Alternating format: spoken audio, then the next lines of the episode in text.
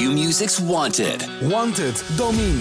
Blijf Domine verschuren 100 uur lang uit de handen van Bram Krikken? Voorspel en maak kans op 10.000 euro. Volg het vanaf 13 mei bij Q-Music. Ken je, dat, ken je dat, dat spelletje niet? Sing it for real? Grappend meezingen, dat durft iedereen. Maar als je dan zegt, uitdaging nee, sing it for real. Dan zit iedereen, ja, maar ik ga niet echt proberen. Dus Mariah Carey, sing it for real. Nee? Oké.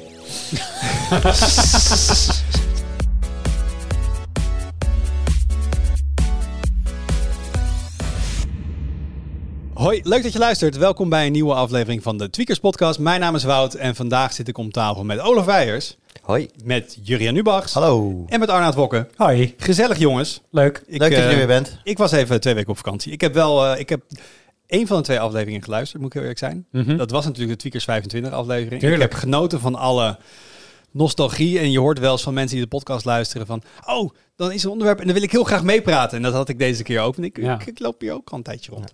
En eh, eh, doe eventjes even tussendoor voor de camera-nerds die dit luisteren. Met wat heb jij die epische foto van die Condor geschoten? Een Sony A7 IV met een 2405. En die is eigenlijk niet... Het brandpunt is eigenlijk niet lang genoeg. Dus ik heb wel flink gekropt ook in die foto. Eh, want ik was Condors wezen kijken in Peru, onder andere. Ja, Ehm, en eigenlijk, ik eh, heb nog een hele grote teletoeter heb ik ook. Maar die had ik alleen voor dat moment al meegenomen. Dat vond ik een beetje overdreven qua meeschouwen. Dus met een beetje kroppen kom je ah, een was goed gelukt. Ik, eh, ik, ik- in eerste instantie dacht ik dus dat je gewoon was gaan vliegen daar met een, met een drone of zo. Want je zag echt ja, die diepte onder het ravijn. Ik dacht het kan niet dat jij daar staat. Dus dat moet, dat moet een drone zijn. Die zo, dingen komen, die beesten komen Ja. daar op, de, de- op dat punt komen ze echt over je hoofd vliegen. Ja, heel vet. En ze zijn niet bang voor mensen. Ehm, nee, het is een no drone zone. Ik had Ah. de drone mee, maar dan over. En dat, je bent ook best wel. Ik denk dat die drone ook niet lang leeft met die Condors in de buurt. ja, maar je bent ook. Het is echt niet oké als je bij die beest met zo'n drone er langs gaat vliegen. Dat, dat Ja, maar die beesten winnen dat met gemak. Als ze er tegenaan vliegen, dan gaat jouw drone, eh, Ja. dan gaat Ja. die heel erg hard het vallei in. En we zaten daar op eh, bijna 4 kilometer hoogte. Dus als je drone dan naar beneden valt, Ja, dan is hij. Ja, ja of, en als er iemand per ongeluk onderloopt, is die ook stuk. Precies. Maar als je die foto's wil delen en uploaden, dan zou het toch mooi zijn als je ook daar een 5 gigabit lijntje had liggen, toch? Oh, waar zouden we zijn zonder Arna? Maar samen, ik, ik, ik, had, ik had gewoon vastgelopen. Ik had niet Ja, geweten hoe ik deze podcast moet beginnen. Precies. Dankjewel Arnaud. Want inderdaad, ehm, we hebben het al vaker gehad over glasvezel. Ik ga niet zeggen hoe mijn, mijn persoonlijke glasvezelsituatie is. Ehm, maar wat kwam deze week naar buiten, of in twee weken voor mij kort op elkaar, dat eh, KPN gaat een 4 gigabit eh, glasvezellijn aanbieden. En Delta zelfs 5 gigabit. Ik wil, dit even, ik wil even de tijdlijn schetsen. Maandag kwam KPN naar buiten met 4 gigabit. En toen zeiden ze, we hebben het snelste commercieel verkrijgbare internetabonnement van Nederland. En Delta kwam op dinsdag, dat is dus als je dit op donderdag luistert, twee dagen geleden, eroverheen met 5 gigabit. En Dus, Odido? dat ging heel snel. Odido? Eh, die deed iets anders met glasvezel deze week, waar Ah. minder mensen blij mee waren. Daar kunnen we ook nog over hebben. Ik wil ook snelheid. Ehm, het is een wedstrijdje verplassen. En eh, de vraag die we ook in de comments toen zagen was van... Ja, wat heb je er in vredesnaam aan? Want bijna alles in je huis Ja. is 1 gigabit. Eh, moderne netwerkkaarten, switches, routers, dat soort dingen. Eh, dus daar gaan we zo eens even induiken. Ook samen met Olaf, die heel erg veel van netwerken weet. Van ehm, wat heb je er op dit moment aan? En als je nou dan je thuisnetwerk zou willen upgraden, dat je hier echt mee overweg kan. Naar wat voor soort project zit je dan te kijken en wat moet het dan niet allemaal kosten? Maar even Olaf, ik wil dit toch alvast weten. Ja. Ehm, als je dit hoort, 4 gigabit, 5 gigabit internet, denk je dan, yes, dit is meteen wat ik wil? Of denk je, oh nee, hier is mijn netwerk helemaal niet klaar voor? Nou ja, dat laatste eigenlijk inderdaad. Mijn netwerk is er niet klaar voor. Ah, jammer. Dat, eh, en ja, of erom staat te springen. Dat, eh tuurlijk, meer bandbreedte, altijd leuk. Maar Mhm. misschien zijn er ook wel limieten aan wat, eh, wat, wat echt noodzakelijk is en wat ja, overdreven wordt. Maar dat is Ja. sowieso met alle uitgaven als een tweaker. Wat is noodzakelijk en wat wil je gewoon? Precies, een beetje overhead is altijd wel lekker, hè? Beetje hebberigheid. Oké, daar gaan we het zo over hebben. We beginnen even met de post. Ehm, er was een correctie. Zeker. Ehm, op een, eh, een opmerking eh, van de vorige aflevering. Het ging over Telegram, begrijp ik. Ja, En er was niet helemaal duidelijk, is het nou een Russisch bedrijf? Is het nou oorspronkelijk Russisch en niet meer? Volgens mij vroeg ik hardop van, oh, dat is een Russisch bedrijf toch? Iets in die zin. Want ik had inderdaad ergens in de back of my mind dat het een Russisch bedrijf was. Wat blijkt? Primus IP en heel veel anderen die zeggen nee, dat is niet zo. En hij zei zelf dan, jullie noemen nog even kort Telegram en dat dat een Russisch bedrijf zou zijn. Maar dat klopt niet. De oprichters zijn Russen, maar Ja. het bedrijf is al jaren niet meer gevestigd. Daar het hoofdkantoor heeft een tijdje in Duitsland gezeten. Momenteel zitten ze zelfs in Dubai. Alright. Ja, nee, ik had het inderdaad in mijn hoofd als een Russisch bedrijf. Waarschijnlijk inderdaad omdat het Russische oprichters waren. En, In mijn Ja. hoofd zat er ook een hele sterke link daar. Ik wist Ja. niet eh, uit mijn hoofd dat ze in Dubai zitten. Nee, ik wist dat dus ook niet, want Jur zei dat vorige week. En ergens ging er een belletje af in mijn hoofd van, zijn ze Russisch? Volgens mij niet meer. Ja, het was voor het verhaal ook Maar, niet super belangrijk op dat Nee. moment, volgens mij. Dus. Nee. Het Ik was een dan soort wel, zijpad wat wel meteen opkwam. af, want hè, dan is de vraag van, goh, als zij in Rusland zitten, hoe zit het dan met wetgeving en data Precies. inzicht? Heb je enig idee hoe dat in Dubai zit? Nee. Is dat zo'n juist zo'n veilige haven waar ze helemaal overal vanaf blijven qua bedrijven? Of is daar ook dan weer... Ik, ik heb het idee dat ze in Dubai zitten, maar eh, nu ben ik weer aan het freewheelen. Ja, Om, omdat ze daar zo eh, eh, relatief laks zijn, denk ik. kijk, ik Want Telegram staat wel bekend om dat alles daar kan en mag. De op dat Ja. moment meest gezochte crimineel van Nederland zat ondergedoken in Dubai. Ja. Uiteindelijk hebben daar de, de, de, de, overigens de autoriteiten wel meegewerkt en ze hebben ze hem daar van zijn bed gelicht. Maar ja, je gaat niet in Dubai zitten omdat het be- bekend staat als een hele strenge staat. Het eh, komt een dat- beetje op mij over, want Dubai verhoudt zich tot ehm eh, oversight, zeg maar, vanuit van de overheid, als de Cayman-eilanden tot belasting. Mm, Ehm, ja. Dat het daar inderdaad voor mij wat, ehm, wat, eh, wat vrijer is. Maar mocht dat niet zo zijn, dan hoor je dat volgende week in de post. Ehm, even kijken, wat natuurlijk ook de aflevering daarvoor hadden we eh, Raad het Geluid. ja, leuk was Eh, dat. en daar zat een van de geluiden die daarin zat, was van ICQ. Hè, vroeger, voordat we allemaal op WhatsApp zaten, zat je of op MSN Messenger of op IRC zaten mensen. In ieder geval Mhm. soms ook op ICQ. Ehm, en er kwamen twee dingen eigenlijk over binnen. De eerste eh, was eh, dat iemand nog even Trillion... Hebben jullie Trillion ooit gebruikt? Nee. Ik wel namelijk. Ja, en Want het nee, mooie was dat heel de veel, naam zegt me wel iets. heel veel van die chat-applicaties gebruikten onderhuid hetzelfde protocol, XMPP. Ja. eh, met een laag erbovenop. En met Trillion kon je het allemaal aan elkaar knopen. Dat je gewoon één messenger-app Ja, waar je al die diensten tegelijk in kon stoppen. Eigenlijk wat nu de EU ongeveer probeert te bewerkstelligen met... eh Ja. Ik doe het altijd fout. met zo'n tabbladen toch? DS, ADMA, welke van de DMA. DMA. Was er Eh, met zo'n zo'n zo'n schermetje boven had je gewoon tabbladen toch? Met de verschillende Ja, diensten. op een gegeven moment Ja. ook, maar op een gegeven moment ook gewoon één lijst. Dat je gewoon Ah. dat het allemaal bij elkaar kwam. Eh, dus daar gaan we eigenlijk weer een beetje naar terug, naar die mooie, mooie trillion tijd, als het aan de EU ligt. Ja. Eh, en het andere, dat ging van eh, het, een opmerking van Bliksem B. Die zegt dat geluidje van ICQ, Mooi. dat komt niet van ICQ. Dat zat standaard in Windows. En dat zat in de Windows 3.0 Multimedia Edition. En heette daar OO.waf. en we krijgen zelfs het hele pad erbij. Hij is te Oh, vinden op de CD-ROM van Windows 3.0 MME in de map mwin slash mmdata slash oo.waf. Nou, Mooi dit. Ja, wat, maar wat ik misschien wel het mooiste aan vind, is dat dit denk ik betekent dat Bliksem B dus een CD-ROM van Windows 3.0 MME paraat heeft. Heeft Ja. gekeken wat het pad van dit ding was. Of hij weet het uit zijn hoofd. Dat zou ik nog vele malen enger vinden. Hij zei er wel bij dat hij in een soort, naar aanleiding van dit geluidje, in, In een een soort hele leuke rabbit hole was gedoken is. Ja, hij moest het wel even opzoeken. ja, denk ik. Ja. Ik, ik, ik, ik kies ervoor om te geloven dat hij deze CD-ROM gewoon paraat heeft liggen. En dat hij hem gewoon even getest heeft en heeft opgezocht waar het ding staat. Als je mij nu een CD-ROM geeft, is het eerste wat ik denk, waar moet die in? Want ik heb geen CD-drive meer. Hmm. Dus ja, dat zie ja, ik ook, eh, ik heb nog een toren waar een drive in zit volgens mij. Maar dat is het dan ook wel. Dat is ook knap.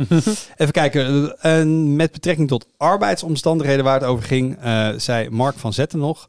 eh naar aanleiding van je podcast over slechte en onveilige werkomstandigheden in de fabrieken waar iPhones worden gemaakt, vroeg me af of jullie enig inzicht hebben in hoe dit in de fabrieken bij andere fabrikanten zit. Hij zegt, ik krijg namelijk een beetje het gevoel, niet vanuit jullie, maar in het algemeen, dat Apple hierop strenger wordt beoordeeld dan andere fabrikanten. Praat natuurlijk niks goed, maar je moet eigenlijk iedereen op dezelfde manier behandelen.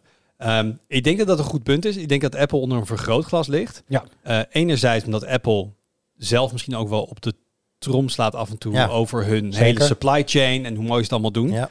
En omdat ze zo groot zijn dat als Foxconn netten ophangt bij die fabrieken, dat valt op. En dat is een Ja. hele grote fabriek. Dus ehm, van ons uit is in ieder geval niet de bedoeling dat wij extra op Apple letten of dat soort dingen. Maar ik zou niet weten hoe dit bij Xiaomi zit, bijvoorbeeld. Of bij Vivo.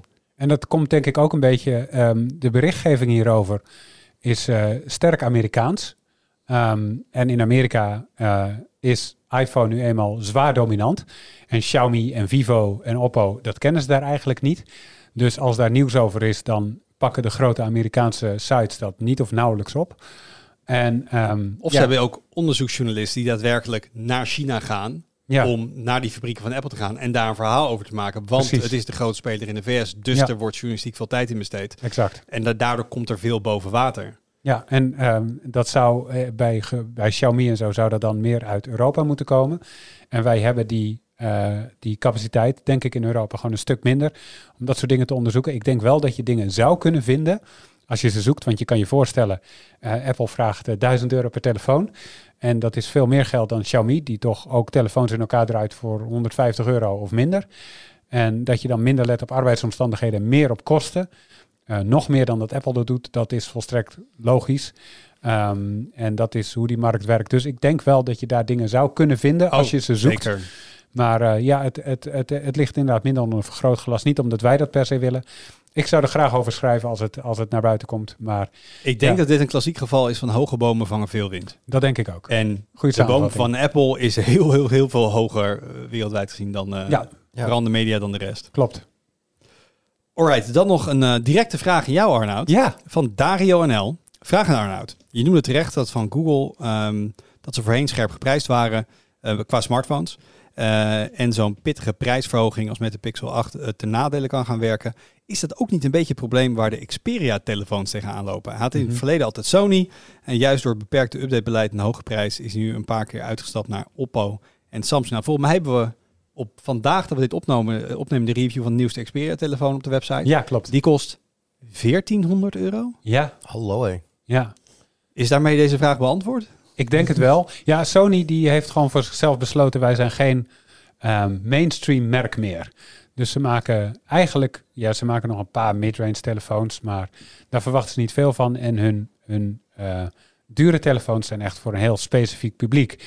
Dus eh, je kan... eh, eh, er was ook eens een telefoon met een soort van micro-HDMI-aansluiting... om hem op een camera aan te sluiten... of als je Als camera monitor. Op, Ja. als monitor inderdaad.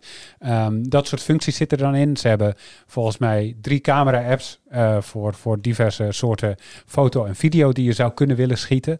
Ehm, dus ze, ze zijn heel specifiek in waar ze op richten. En ehm, eh, ik denk dat dat een uitstekende focus is, want ze waren hun mainstream aantrekkingskracht verloren. Ehm, maar ja, prijs speelt zeker mee. Eh, ik denk wel dat Google Pixel zit nog niet in die prijsklasse. Want je zei net al, die nieuwe, nieuwste Xperia is 1400. Een Pixel 8 Pro kost je maar iets meer dan 1000 euro. Een koopje. Precies. En gezien de manier waarop Google prijzen zakken in de loop van de tijd, kan je die voor veel minder op de kop tikken ergens over een paar maanden. Dus dat is wel echt een andere prijsklasse. En bij Sony gebeurt dat volgens mij ook minder ehm, dan bij andere merken. Dus ehm, denk niet dat dat is waar Sony specifiek tegenaan liep. Ik denk het ook. Ehm, normaal hebben we altijd even in ons eh, voorbereidingsdocumentje een lijstje met eh, wie heeft het laatst. Die is eh, gesneuveld deze keer, dus we moeten even uit het hoofd doen. Ja, er is er eentje in die lijst die me is bijgebleven omdat ik me gewoon heel bizar vond. Eh, dus misschien Ik weet er we- ook nog één. Maar ik ben benieuwd of het hetzelfde is. Misschien moeten we die maar doen. Eh, iemand had ingestuurd. Wie heeft het, van mij, wie heeft het laatst hardop een nummer van Mariah Carey meegezongen? Ja, dat was ook degene die ik nog gewoon gezegd. Ja, dat is toch degene die eruit springt. Want wie heeft het laatste, weet ik veel, iets met zijn thuisnetwerk of, of, of dat toch een beetje meer generiek Ja. of zo. Dus, wie heeft het laatst hardop een nummer van Mariah Carey eh, meegezongen? Ik, ik begin even zelf. Mhm. Ik weet het niet. Och. Maar ik kan me voorstellen dat ik vorige kerst een keer All I Want For Christmas op de radio heb gehoord. En dat ik hem wel meegeneuried. Dat, dat moet kerst vorig jaar zijn geweest voor mij dan, denk ik. Is Ja. er iemand die, die recenter biedt? Nou ja, ik heb sowieso in mijn recente verleden twee karaoke momenten zitten. Eén daarvan was op de Moam. Ik weet niet meer waar die voorbij is gekomen. maar Hij is zeker één keer voorbij gekomen. Eh All I Want For Christmas Is You dan natuurlijk. Want waarom zou je dat niet doen in september? Dus eh, ja, ik, ik zet dan in op, denk ik, de Moam. Dat is 15, 16 september Dat of zo? was ja, rond 16 september. Olaf? Nou, dat, eh, ik, ik vraag me af of het überhaupt ooit een keertje is voorgekomen. Oké, nou dan mag jij zo deze meteen laatste. heb je wel geleefd? Gelukkig. Ja, ja. Arnoud? Eh, zondagavond. Zondagavond? Zeker. Oh, ik, ik, ik reed terug. Deze man. Eh, ik was een Deze weekend weg man. en ik reed terug. En ik had radio opstaan. Het was met het hele gezin, dus we hadden gewoon radio, niet een podcast of zo.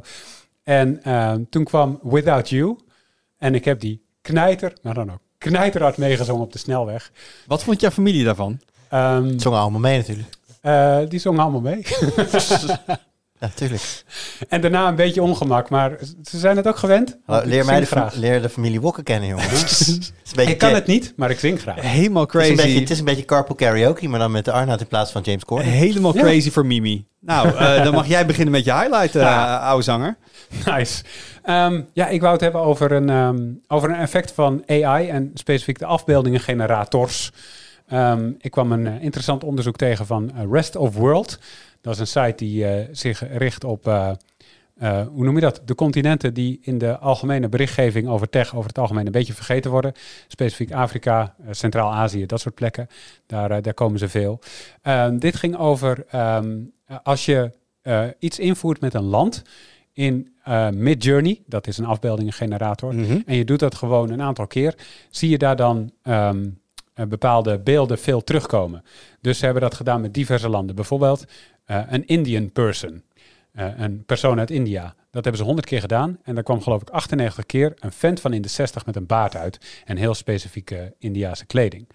Ehm, en als je een huis in Nigeria intoetst, eh, van de 100 keer krijg je dan echt 90 tot 95 keer een vervallen huis te zien. Dat zijn stereotypen. En Want in de dataset zaten waarschijnlijk heel veel foto's van vervallen Nigeriaanse huizen en heel veel van 60-jarige Indiaanse mannen. precies. Ehm, en omdat hij daarop getraind is, geeft hij dat ook weer en denkt hij dat dat is wat normaal is. Want hij weet niks over de wereld behalve wat er in de trainingsdata zit. Ehm, en eh, zo merkten ze op, ze hadden ook met een aantal ehm, mensen gesproken die eh, hier eh, diep over nadenken. En die diep in AI zitten ook, experts ehm, en hoogleraren en zo. En die zeiden, dit versterkt dus in feite de stereotypen zoals die al in media bestaan. Dus als je dan, zeg maar, wat ze verwachten dat veel gaat gebeuren, is dat illustrators of andere mensen die met beeld werken, hierop deels gaan leunen voor het, het genereren van beelden bij verhalen bijvoorbeeld.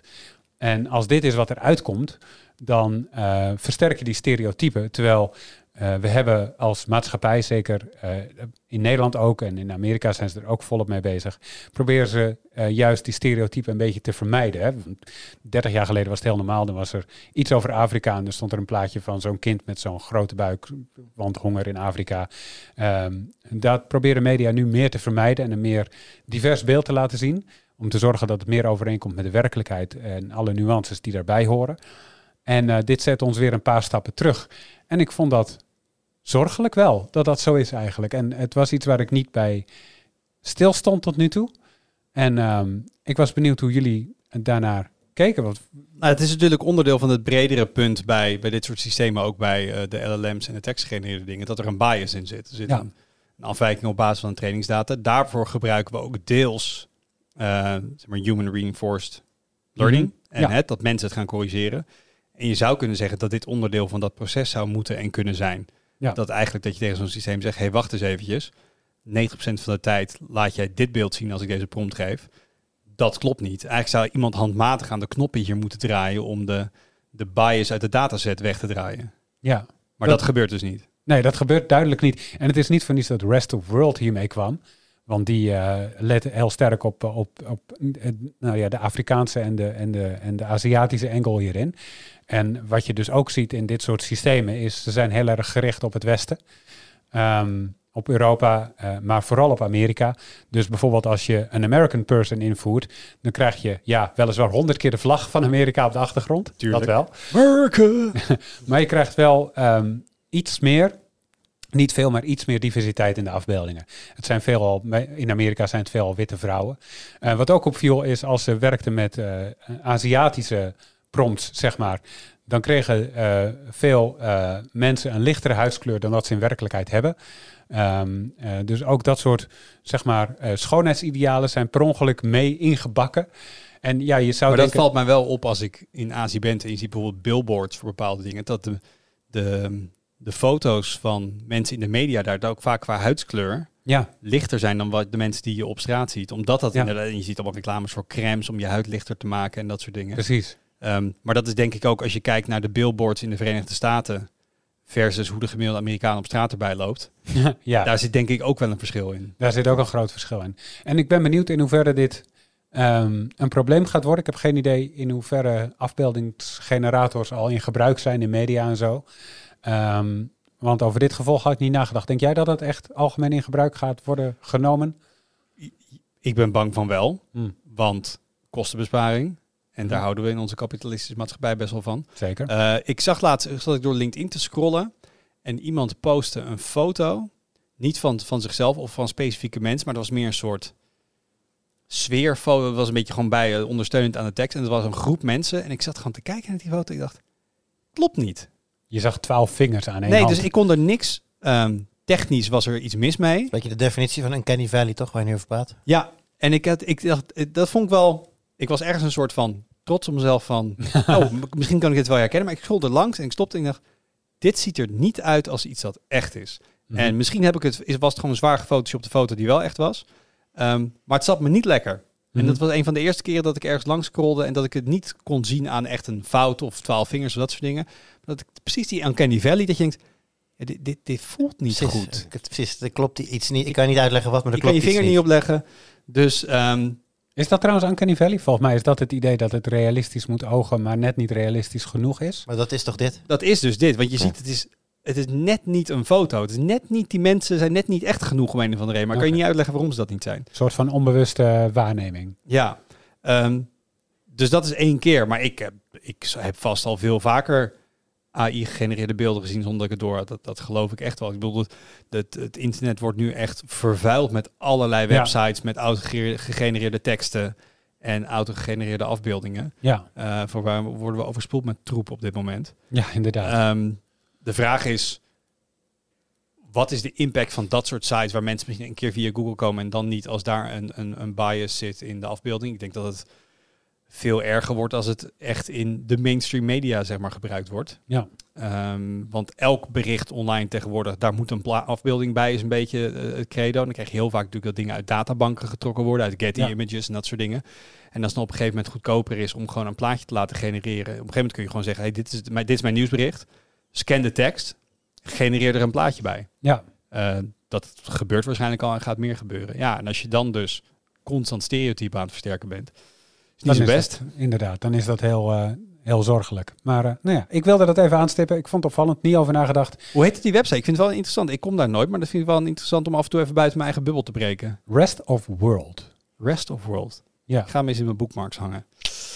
Ehm, dat was onze meest recente Mariah Carey zanger. Dan gaan we naar onze runner-up Mariah Carey zanger. Dat is Julian. Yes, All I Want For Christmas is een nieuw PlayStation 5. Nee. Heb jij even mazzel? Nee. Want er is dat aangekondigd volgens ja, mij. nee, en ik, ben, eh, ik heb hem ook heel even kort opgeschreven, want ik wilde ik eigenlijk niet over hebben. Ik ben zeer eh, in die zin eh, unimpressed. Als in, hij is kleiner, ja, hij is lichter, ja. Maar ik, had dan, ik verwacht dan ook toffe stats over minder verbruik en dat soort dingen. Wat je vaak ziet bij een slim model. Nou, dat is allemaal niet aan de hand.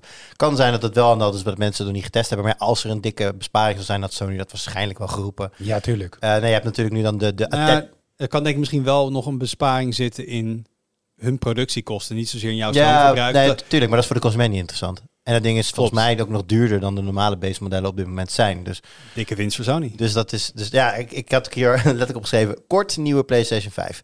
Ehm, dus ja, er komt een nieuw model aan en eh, je, hij komt standaard in principe zonder disk drive. Dus dan is er een attachable eh, Blu-ray drive die je dan los kan kopen als je hem alsnog toch maar wel wil hebben. Maar hij is niet echt heel veel klein. Want toen bij de Hij is, vorige PlayStation... hij geen- is 30% compacter en Oh, toch wel? 18 tot 24% lichter afhankelijk van welk PlayStation model je nu hebt. Oh, het is ook echt wel echt slimmer. Hij is lichter en, en kleiner, ja. Dus, En het is nogal een bakbeest. Hij staat bij mij standaard in de woonkamer, dus 30% kleiner, dat zou nou, best netjes Jouw vriendin vindt het leuk.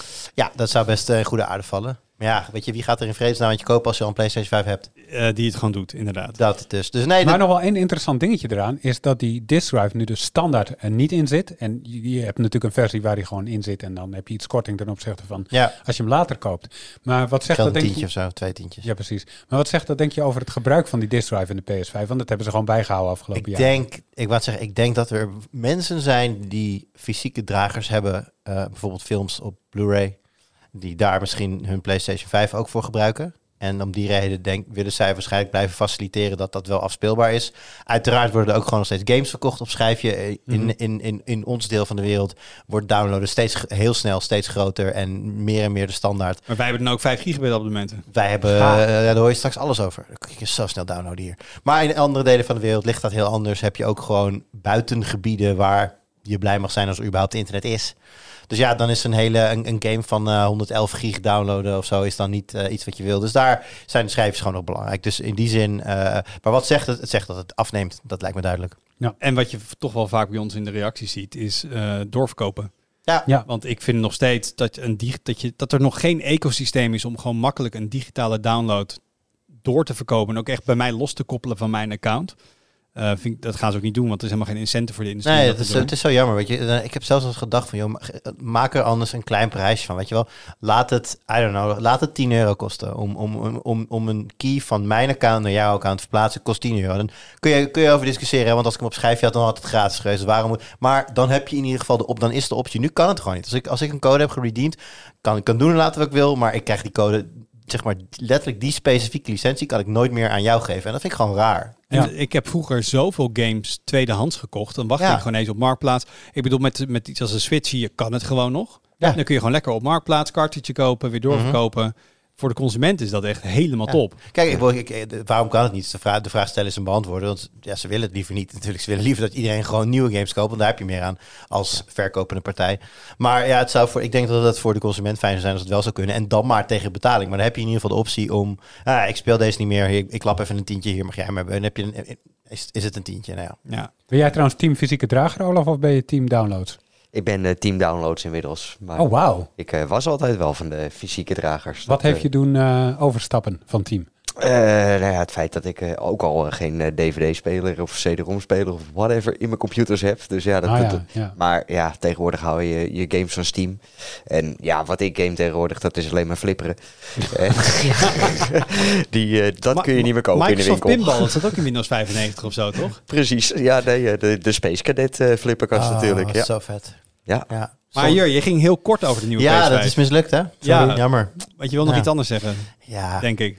Ehm, het Of doet me- niet? Het doet me een beetje pijn. Maar Assassin's Creed is heel lang ehm, een van mijn, misschien wel mijn favoriete eh, gameserie geweest. In de tijd dat nou, bijna ieder jaar ook eentje verscheen. Ik kijk er elk jaar naar uit. Ik heb eh, van weinig games ook zoveel figurines verzameld als van Assassin's Creed. Ehm, dus toen eh, Mirage werd aangekondigd en ook in de, aangekondigd als zijnde een game in de stijl van de oude Assassin's Creed games. Dus hè, vroeger had je meestal één grote stad centraal en een beetje gebied daaromheen. Maar dat was het. Dat was een beetje de, de insteek. En dan ging het heel erg om de, de hidden ones. En die hadden hun creed. En die gingen op zoek naar de Templars. Dat is echt een beetje de basis van de Assassin's Creed. Daar zijn ze vanaf gestapt met, dat vorige, met dat, zeg maar, de meest recente trilogie. Met de Origins, Odyssey en Valhalla. Waren grote open wereld games. Een beetje meer RPG-elementen erin. Ook vele malen langer dan dat de Assassin's Creed games waren. Het voelde echt als een opdracht. Het was, die dingen gingen, gewoon werk. gingen makkelijk over de 100 uur, tenzij je de XP-verdubbelaar kocht in de Ubisoft winkel, want dan was je sneller klaar. maar eh, ja, nee, om even aan te geven, dat daar, daar, nou goed, daar stapt dus met Mirage weer vanaf. Mirage is weer een soort van ja, ongeveer 20 uur durende eh, adventure, zoals, de, ja, zoals bijvoorbeeld Brotherhood en Revelations dat ook waren. Heerlijk. Dus in die zin was ik, was ik best wel psyched. Had het alleen wel fijn geweest als ze niet alleen maar gameplay-elementen uit de tijd van Brotherhood en Revelations hadden gebruikt, maar ook nog wat nieuwe dingen hadden toegevoegd of iets dergelijks. Ik bedoel, het ziet er op momenten eh, eh, heel tof uit. Ze doen best, ze doen best leuke dingen met eh, volumetric lightning. Ziet er met de opgaande, opgaande en ondergaande zon ziet, ziet Bagdad er echt fantastisch uit in de game. Maar buiten dat kan ik gewoon niet heel veel dingen ontdekken die ik nog nooit gezien heb tot aan double assassinations met een animatie waarvan ik denk, oeh, volgens mij als ik dit letterlijk naast de double animation uit de vorige games leg, dan is het exact dezelfde animatie. Het is eigenlijk gewoon een soort remaster van die oude ik heb games. ik- volgens mij in de conclusie, ja, de, de, de review komt vrijdag online, dus in die zin is het alvast een sneak peek. Maar volgens mij staat ergens in de conclusie van mij eh, dat ik het een eh, soort van Assassin's Creed Greatest Hits album noem. in plaats van een heel nieuwe game die je mag verwachten als je, En- als je 69 euro betaalt voor een game. Ja. Dus dit is, dit is nou een game die je lekker tweedehands op een schijfje had moeten kopen als hij helemaal een tijdje uit is. Ja, ik, het, is, het, is inderdaad, het is een hartstikke leuk, eh, hartstikke leuk eh, eh, eh, tussendoortje. Eh, het is voor, een goeie- 30, voor 30 euro is het een leuke game. Ja, dat zou ik wel zeggen. Ja, maar goed, voor, voor de volle map. eh, allerlei gameplay elementen die, eh, die, je al die je al kent, die je al gewend bent. Die, ook lekker, want het is net als fietsen, weet je. Je denkt, oh ja, wacht. Dit Maar kan- even, even los dan van het geld, hè? want ik snap dat jij eh, komt nu uit en, en dat is veel geld wat je krijgt. Maar je zou ook kunnen zeggen, wow, ik vond die oude games zo leuk. Ze hebben eigenlijk gewoon heel erg die oude games aangehouden en Ja. iets opgepoetst. Heeft het dan, eh, haal je dan niet heel erg plezier uit de herkenning en of is het outdated? Het is outdated, het verrast, het verrast niet. De, de, de, de opzet van het verhaal is ook een blauwdruk van... Hè, jonge straatdief wordt opgenomen in door de Assassins... en moet op jacht naar de, naar de, naar de, naar Templar Order... of nou, het heet dan nog de Order of the Ancients. Ehm, het is allemaal, het is allemaal eh, in die zin zo bekend dat het je, terwijl je verwacht iets nieuws en, en dat is wel grappig ik had het hier ook over met een andere reviewer Bastiaan vroeg op en die zei ook van ja maar als je een game zoals Brotherhood wil spelen dan kan je misschien beter Brotherhood nog een keer spelen Hmm. want die is beter Ja. en ja dan heb je natuurlijk niet alle grafische toetsen en bellen die natuurlijk nu Mirage heeft als je dat heel belangrijk vindt by all means speel Mirage maar inderdaad ik ben, het- ik ben het er wat dat betreft mee eens als je een, een single possession Assassin's Creed avontuur in de stijl van Brotherhood wil, ga dan de Assassin's Creed 2 trilogie met Assassin's Creed 2, Brotherhood en Re- Revelations. Volgens mij is die een aantal jaar geleden ook nog remastered. Ga dan dat spelen, want dat, dat is wat dit, deze game wil zijn. Alleen maar waren net die niet beter. is. Ja, Maar waarom eigenlijk? Want er waren dus een paar andere Assassin's Creed games en nu zijn ze weer een ander pad ingeslagen, meer terug richting Brotherhood. Waarom is dat? Was dat feedback van gamers? Of? ja, ook feedback van gamers. Ehm, ik denk ook eh, kijken wat werkt. Ik bedoel, uiteindelijk eh, kabbelt eh, Assassin's Creed. Assassin's Creed was ooit de, de- de- het kroonjuweel in de line-up van Ubisoft. Nou, de line-up van Ubisoft staat sowieso wel een beetje onder druk. Ik bedoel, Mhm. Skull and Bones, laten we daar maar niet over beginnen. Dus het gaat sowieso niet heel erg lekker. Maar je merkt gewoon, Assassin's Creed is gewoon die plek aan de top van de game-industrie best wel een beetje kwijt. En Ja. ja, daar heeft de, die, die nieuwe inslag met de wat meer open werelden en de wat meer RPG-elementen en de langere game, heeft daar ook niks aan kunnen veranderen. Dus ik denk dat zij gedacht hebben van, nou ja, we gaan inderdaad ook wel op basis van feedback hoor. Want ehm, ik vond vooral een topgame. Maar in mijn review staat letterlijk, ik vind het topgame, maar ik vind geen Assassin's Creed. Dus eh, het slaat nergens op dat dit Assassin's Creed heet, want het heeft niets meer te maken met de hidden ones en, en Ja. de, de, de way of this. Templar. Ja, en- dat soort dingen. Dat, dat werd er met, met de haren bijgetrokken. Maar dit had gewoon een hele toffe eh, eh, action-adventure geweest. In een soort van Noorse setting. Als je het niet Assassin's Creed had genoemd. Maar je moet het wel kunnen verkopen natuurlijk. Dus dan noem je het liever Assassin's Creed. Ja, maar zo komt het ook over. Ubisoft heeft gewoon bepaald, er komt gewoon om de x maanden een Assassin's Creed game uit. Dat hebben we gewoon al vastgesteld. En dan gaan we daarna maar eens kijken Ja. wat dat dan moet zijn. Maar de Ja. optie, hey, misschien hebben we, ik denk met alle spin-offs en mobile games, hoeveel? 20 Assassin's Creed games of zo? Ehm, ja, dat is- valt wel. Maar ja, met al die side-scrolling dingen erbij. Het zal daar wel in de buurt komen. Ja. Misschien dat ze ook kunnen zeggen, jongens, misschien Volgende hebben, maand komt Nexus VR. misschien hebben we deze franchise een beetje uitgemelkt. Misschien Ja. moeten we hem even een paar jaar laten liggen en echt Ja. een goed idee komen. Maar het lijkt gewoon dat ze bepaalde bij Nou, dat hebben ze dus nu wel in, in die zin wel gedaan. Er zit nu wel drie jaar nu tussen de release van Valhalla en deze. Dus er is drie jaar al geen mainline Assassins meer uitgekomen. Wat voor Assassins, maar dat is voor Assassins een hele lange tijd. Moet je nou eens kijken hoe lang Bethesda doet over een nieuwe game. Ja, dat, dat is wel een andere... Of Rockstar. Is, ik Of wil zeggen GTSS. of Rockstar, Ja, komt ja. uit? GTA 6 confirmed? Huh? Ja, wat? Nee, dus, when eh, it's done. 2034 hoorde ik. Ja. Ze, hebben, ze, ze, ze hebben teruggegrepen naar inderdaad een, een- de oude koers. eh, ook met het idee van eh, een, een goede game hoeft niet per se super lang te zijn. Daar ben ik het helemaal mee eens. Zeker. Eh, maar ik kwam ook eh, via Bastian trouwens een, een Reddit-post tegen waar iemand zei van het gaat niet om de lengte. Het gaat erom dat je, al, Wat je dat je zorgt dat je... ja, het gaat erom dat je als speler eh, het idee hebt dat je betekenisvolle dingen aan het doen bent. Ja. Kijk, en als je dan dus gameplay hebt die gevuld is met gameplay-elementen eh, from years past, zeg maar. Ja. En dan ook nog eens heel wat missietjes ertussen, wat je moet op een gegeven moment onderzoek gaan doen. En dan ga je, moet je, ja, ga daar even heen, want daar ligt een brief en die moet je dan lezen. En dan heb je een, heb je een aanwijzing. En dan moet je daar iemand eh, even zakken rollen en dan moet je daar iemand omleggen. En dan kan je de grote assassination gaan doen. Weet je, alleen die grote missies, die, die voegen dan echt iets toe. Denk van, ja, dit is, inderdaad. dit, is, dit is de assassination missies. Dan kan ik zien van, oké, hier hebben jullie over nagedacht. Zitten allemaal leuke dingen in hoe ik bijvoorbeeld zo'n fort dan in kan, eh, kan infiltreren. En dat is vet. Maar alle andere dingen daaromheen, dat leidt er naartoe. En dat is allemaal niet super hoogwaardig. En dus, ja, bekende materie. Ja. Dus eh, ja, nee, dat... eh, ja, als je inderdaad, als je de kwantiteit omlaag brengt, dan moet dat het, is echt top. moet de kwaliteit wel... Dan moet de kwaliteit omhoog. Ja. ja. Eigenlijk moet je gewoon een game van 60 uur maken. Dan kijken welke 40 uur eigenlijk niet tof is. En dan kijken hoe je die 20 uur aan elkaar gaat plakken die je overhoudt. Dan heb je een topgame. Ja. Nou, punt. Ja. Ik hoop dat Ubisoft aan het luisteren Maar is. ze Ja. zijn dus van de top van de berg gelazerd en op deze manier klimmen ze dus ook niet terug. Eh, nee, ze freerun eh, hiermee eh, niet, niet omhoog. Ik ben heel benieuwd wat er hierna komt. Er, er, er staan nog wel wat projecten op stapel. Ik zei het al, volgens mij volgende maand verschijnt er een, VR-game van, van Assassin's Creed. Er is nog een mobile game, Jade. Kan toch heel vet zijn? VR voor Assassin's Creed? Ja, dat kan inderdaad. Dat kan super vet zijn. Dat staat hier helemaal verder los van. Dat, Ja. dat is... Ik word al misselijk bij de gedachte. Dat is, dat is in, je had natuurlijk al Eagle Flight. Het was in de engine van, of was met de engine gemaakt volgens mij van Assassin's Creed, waarmee je dan door Parijs zo kon, eh, kon vliegen. Ehm, er is nog een mobile game die in ontwikkeling is, Jade. Die is volgens mij, komt er volgens mij ook aan. Dat zag ook vet. Het speelt zich af in eh feodaal Japan uit mijn hoofd. Of China, een van de twee. Ehm, Maar goed, er, er, is nog veel, er komt nog veel aan, maar er zijn andersoortige projecten. Ik ben wel heel benieuwd Dit was echt wat ze hierna zeg maar met mainstream, ja. mainline titels gaan doen. En ja, of ze wat. Weet je, als je dan als je die game uit hebt gespeeld, dan gaan dus de credits lopen en dat duurt. En ik had hem, ik had hem dus versneld afgespeeld. Nou, ik denk dat ik serieus niet overdrijf als er 6,5 miljoen mensen hebben gewerkt aan die game. Om er nabij. Misschien iets minder. Maar, nee, maar echt, maar wel letterlijk duizenden mensen. Ja, verdeeld over zijn. vier teams over de hele Meer, wereld. veel meer. En alle middleware studiootjes die hebben meegewerkt, noem het allemaal maar op. Ongelooflijk veel partijen die hierbij betrokken zijn. Ja, dat is, dus dat is een gigantische investering. Ja, Mirage, eh, in ieder geval in kwaliteit maakt dat niet waar. Ehm, op, ik hoop voor hun dat het veel verkocht wordt, maar ja, ik ben er een beetje bang voor. En dan ben ik ook ja, in het verlengde daarvan een beetje bang voor de toekomst van Assassin's Creed. Wordt het tijd om die hele serie om te brengen. Oh, mooi. Ja, tijd voor de Hidden Dagger. Het is, eh, het is misschien wel zover. Ik was op vakantie. En toen heb ik een boek gelezen. Er is een biografie uit... eh, God, het verhaal is nu al spannender dan Assassin's Creed Mirage. Ja, ik heb een boek gelezen. Nee, de biografie van eh, Elon Musk door Walter Isaacson, die is een tijdje geleden uitgekomen. Dat is dezelfde man die ook biografie heeft geschreven van Benjamin Franklin Ja. en Steve Jobs. Jobs, natuurlijk. Bekende biografie. Ehm, dus ik heb dat boek eh, redelijk verslonden. Mhm. Het gaat gewoon over uh, Mas zijn hele leven. Vanaf het begin in Zuid-Afrika, hij opgegroeid is. Hoe hij naar Amerika gegaan is. Eh, is hij Zip2 gestart. Dat was zijn eerste soort van online versie van de Gouden Gids. Eh, dat is uiteindelijk verkocht. Toen heeft hij aan PayPal meegewerkt. Nou, toen Ja. kwam Tesla. Toen kwam SpaceX, Neuralink, alles erop en eraan. Ehm, en ik had dat boek uit. En ik zat heel erg in de knoop, merkte ik.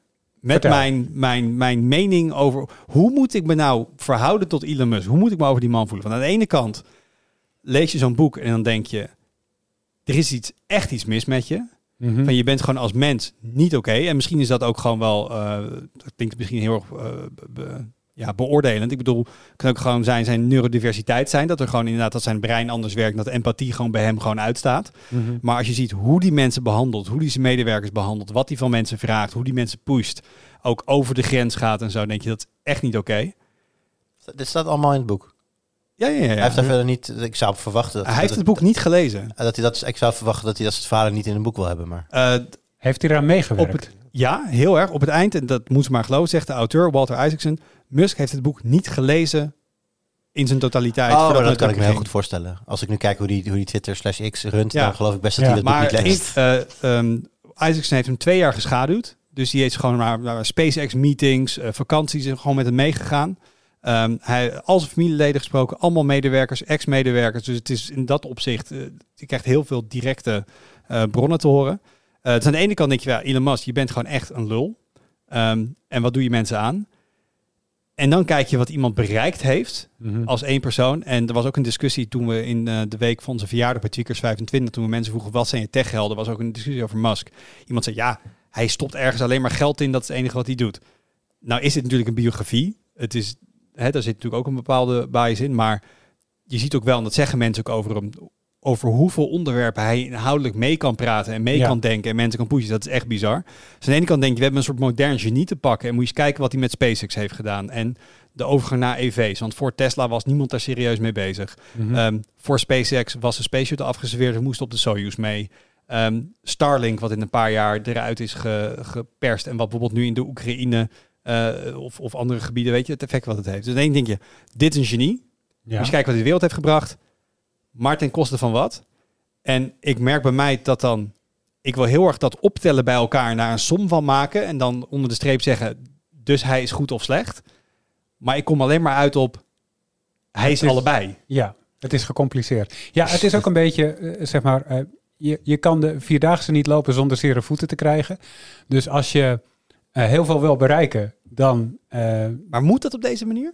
ik heb geen idee, maar het Ik gebeurt veel op deze manier. Maar dat was bij Jobs ook zo. Mensen zeggen, Ja. oh, moet je kijken wat Apple, Apple bereikt. Maar Steve Jobs was ook gewoon noodwaar. Iemand die mensen over de kling jaagde. En mensen die dan gewoon hun baan opzeggen van ik trek dit niet meer. En eh woede-uitbarstingen. En Dus eh, Ja.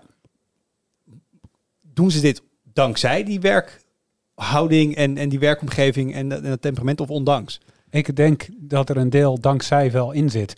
Er is gewoon een groep mensen op deze wereld die ehm, dankzij dit soort ehm, eh, druk van dit soort mensen eh, goed werk kan afleveren. Sommige mensen die breken eronder En, en ik denk dat dat de meerderheid is. Er is een groep mensen die hier goed op gaat, denk ik. Of in ieder geval en die dat die meer wil. bereikt dan ze zelf ooit bedachten dat ze Ja. waar ze toe in staat waren. Want zeggen mensen Precies. ook die geïnterviewd worden van dan zegt Elon, ja, het moet zo en zo binnen zoveel tijd. Dan zeggen ze dit is onmogelijk. Zegt hij nee, ga maar werken Ja, en het gaat je lukken. En zeggen ze het, het is gewoon gelukt uiteindelijk. ja. En wel dat echt als compleet onmogelijk ingeschat. En ook mensen zeggen van ik heb mijn ontslag genomen, want ik ging er onderdoor. Toen heb ik een jaar bij een normaal bedrijf gewerkt. Terwijl ze terug. En toen wilde ik terug, want ik was, ik, ik, Ja. ik bereikte niks in mijn leven. Ik deed gewoon normaal werk. Ik miste de thrill, de adrenaline rush.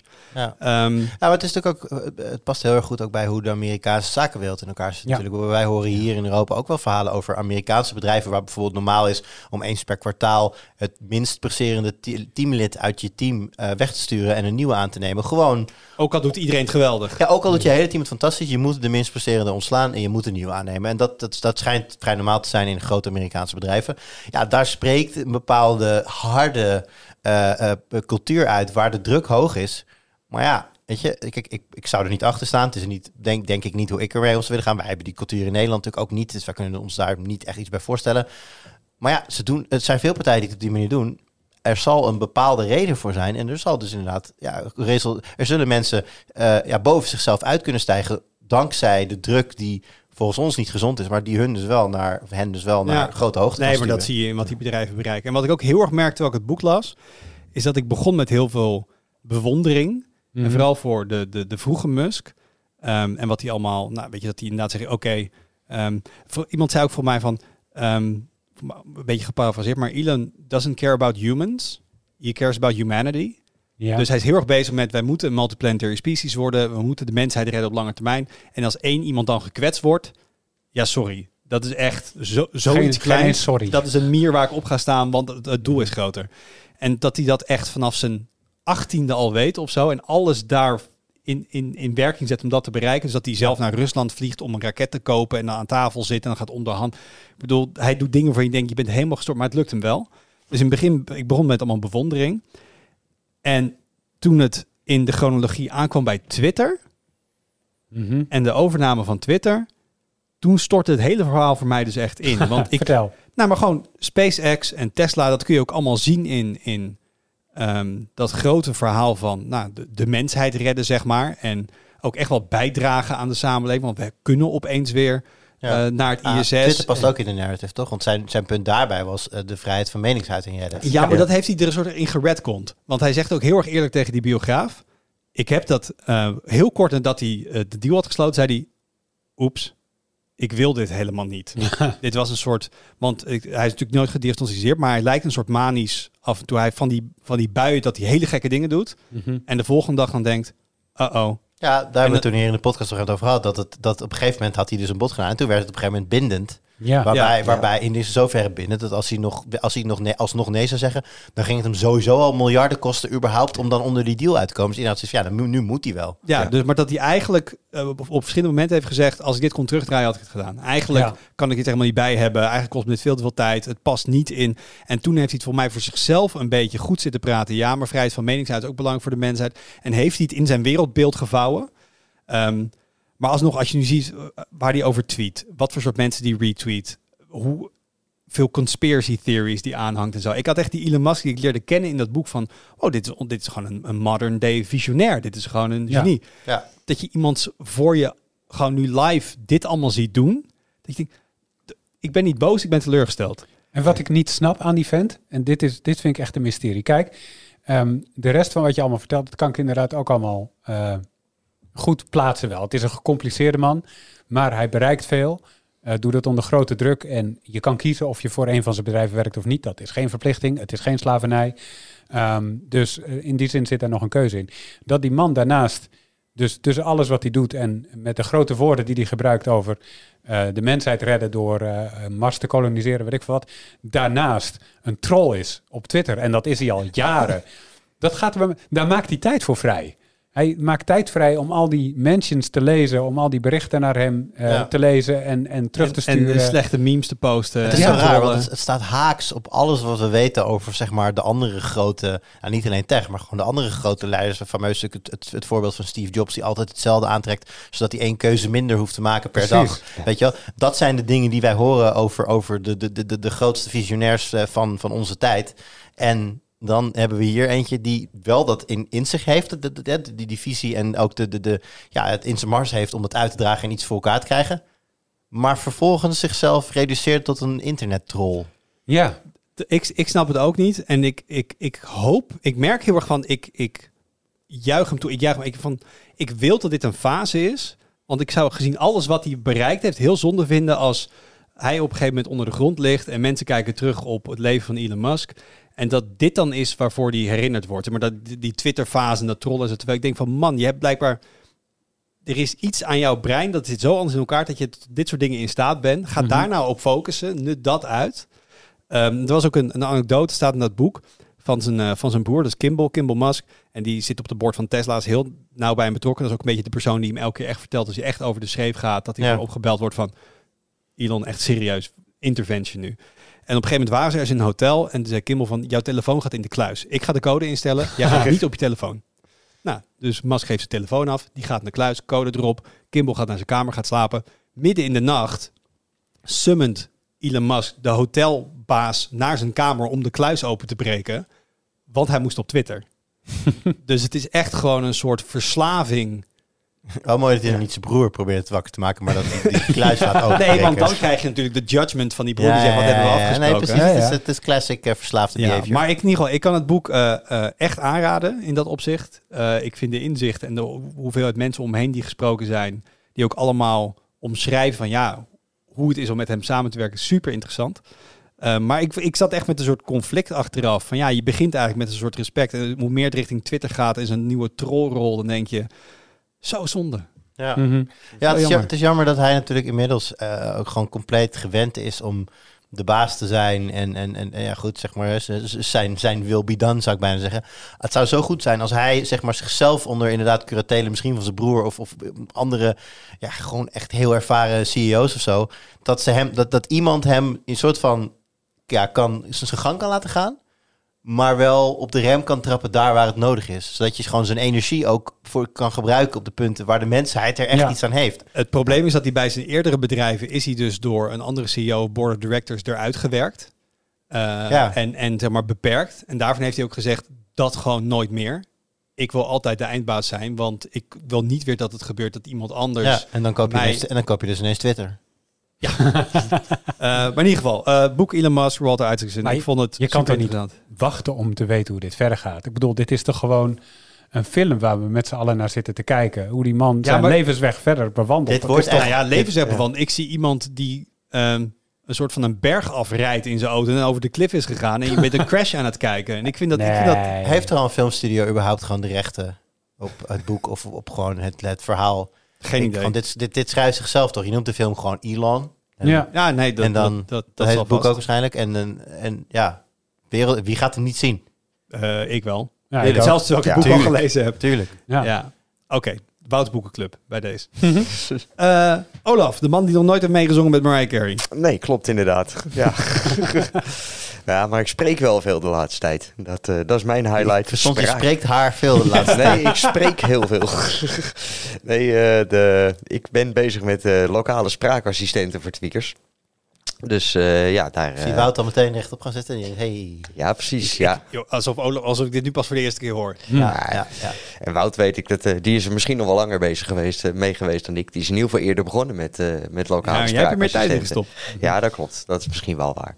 Ja, dus dat, eh, daar ben ik gewoon de afgelopen twee weken, nou drie weken inmiddels eh, wel mee bezig. Het, eh, het jij, een jij hebt beetje daar uit de dus meer tijd in gestopt. Iets, iets Ja. lokaals opbouwen.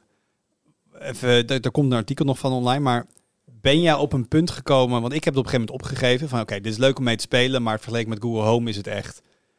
Misschien vertel even, even voor de volledigheid, want je bent dus daar met een artikel bezig. Eventjes, wat is de scope van het artikel? Wat, wat, Een lokale wat, was, wat was de insteek? Ja, Eh, maar wat, wat, wat testen we precies? We kijken wat, eh, wat hardware die er te koop is. En we kijken naar twee platforms eh, die er te koop is. Of te koop, eh, die Ja. er zijn. Ja. De twee platforms, software platforms, dat zijn Raspi en Home Assistant. Home Mhm. Assistant heeft zeker het afgelopen jaar echt een thema van gemaakt om eh, hun spraakassistentie eh, goed op orde te krijgen. Nou, we zijn nu eh, redelijk op, op pad in het jaar en daar hebben ze echt veel functies al toegevoegd. En ja, de hardware die we bekijken, dat is dan eh, eh, bijvoorbeeld eh, de ESP-gebaseerde spraakassistent. Dat is heel minimaal. En ja, dat blijkt dan ook wel inderdaad. Dat, daar komt niet, niet heel veel functionaliteit uit. En spraakassistent op basis van een Raspberry Pi. Dus eigenlijk een head voor op een Raspberry Pi met microfoontjes. En daar kan je ook een speakertje op aansluiten, zodat je die Ja. Pi, ja, Dus, dus het is spraakassistent eigenlijk maakt. een beetje de professionele variant van wat jij ooit probeerde. Van kijken, als ik nou niet meer wil werken met Siri en Google Assistant en Alexa, om dan lokaal iets te doen. Ja, ja dus kijken dit, hoe ver je dit, komt. dit borduurt er eigenlijk op verder. Dus eh, ik heb het wat eerder opgegeven. En, en, en Olaf heeft maar meer tijd ingezet. Dus ben ik wel Precies. benieuwd wat jij nu thuis gebouwd hebt met verschillende hardware setups en verschillende soorten software en die testen. Ben jij op een niveau gekomen dat je denkt, wow, dit werkt eigenlijk wel best wel goed als je het vergelijkt met een Alexa of een Google Home. Eh, als je het vergelijkt met de Alexa of Google Home, dan is het echt nog ver weg van de functionaliteit die dat biedt. Als het gaat puur om apparaatbediening, ja, dan kun je een heel eind komen. En Dus gewoon dingen aan en uitzetten met je stem. ja, precies. Dat, eh, als je het goed inleert en eh, als je je intenties goed inricht, want het is, eh, ja, je kan Mijn intenties zijn altijd goed als het Ja. aankomt. Ja, precies. Ja, dat is, dan kom je weer in de spraakassistent terminologie. Maar eh, ja, je kan natuurlijk lief, wil je zeggen. Ja, Nou, maar je kan eh, spraak naar tekst omzetten. En dan heeft het systeem heeft dat in feite gedaan, heeft dan een, een zin. Bijvoorbeeld zet het licht aan. Maar ja, dan moet je nog een, weer een software deel hebben wat eh, dat interpreteert. En gaat kijken van nou, welke ruimte is dat dan gezegd. Als een bepaalde context erbij zoekt. Van nou, die speaker die staat in de badkamer. Oké, daar is gevraagd zet het licht aan. Eh, wat is het licht? En nou, dat zijn dus allemaal dingen die je, ja, die je wel goed aan elkaar moet koppelen. eh, en wat veel werk kost. En al die zinnen, dus zet het licht aan. De meest basic dingen, die zijn al wel opgevangen in, die, in Raspi en Home Assistant. Maar je meer wil gaan doen, eh, zet de, de mechanische ventilatie hoger. Of eh, zet mijn eh, videodeurbel uit. Of whatever. Dan, dan moet je dat allemaal erbij gaan programmeren handmatig. En als je Ja, dan in je want- eentje zo'n ding gebruikt, ja, dan kun je die zinnetjes jezelf al aanleren. Of je bedenkt even, hoe zou ik het vragen? En nou, dan maak je er nog een paar varianten omheen. Die geef je aan in een soort tin syntax. Laat je het systeem opleren, komt het goed. Maar heb je huisgenoten, ja, die vragen dat nou net weer op een andere manier. En dus, Maar we hebben natuurlijk heel veel tegenwoordig over hè, eh, LLM's en AI en chatbots die juist heel goed zijn in tekst die op allerlei verschillende manieren wordt aangeleverd te ontcijferen en te begrijpen. Ja. En als ik jou hoor, is dit gewoon een heel simpel, een soort template, een soort zinstructuur die woord voor woord geparsed wordt. En als er dan één ding niet helemaal klopt, dan snapt hij het niet. Exact, ja. Het, eh, het, je kan er nog iets meer intelligentie omheen kweken, maar niet veel meer. En dat, eh, dus ja, het interpreteren van eh, ja, alle, allerlei manieren waarop je een specifiek iets kan vragen. Ja, daar zijn die, de cloud-assistenten gewoon nog echt wel een stuk beter in.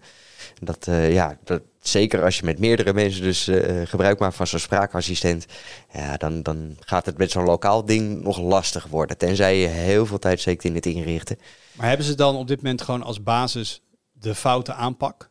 Want dit, je kan dit helemaal zelf handmatig blijven tunen, die inrichting. Maar het blijft handwerk. Moet je niet juist helemaal, als je een beetje toekomstbestendig wil zijn, naar zo'n LLM-achtige oplossing, waarbij je dus echt een taalmodel de herkenning laat doen en niet alles handmatig moet programmeren? Ja, uiteindelijk als het een beetje veelzijdig ding moet worden, dan inderdaad, dan wil je dat. Maar ja, dan heb je ook de bijbehorende hardware natuurlijk nodig. En dat is dan vaak wel weer redelijk pittig, die ja, eisen. dat draait tegenwoordig op hele grote servers met hele grote GPU's. En Ja. Precies, en je hebt natuurlijk nog wel een, een middenweg daartussen. Als je bijvoorbeeld kijkt naar eh, ehm, eh, de stemmen die erin zitten, die zijn ook, eh, zeker als je een Raspberry Pi als centrum gebruikt, dan klinkt dat nog niet echt geweldig. Klinkt alsof iemand vanuit de telefoon eh, terugpraat van het weer morgen wordt, als je het weer vraagt. Vet, krijg je het Polygoonjournaal over je speaker. Zo ongeveer inderdaad. Eh, en je kan natuurlijk, eh, Home Assistant, die biedt zijn eigen cloud eh, service voor text-to-speech.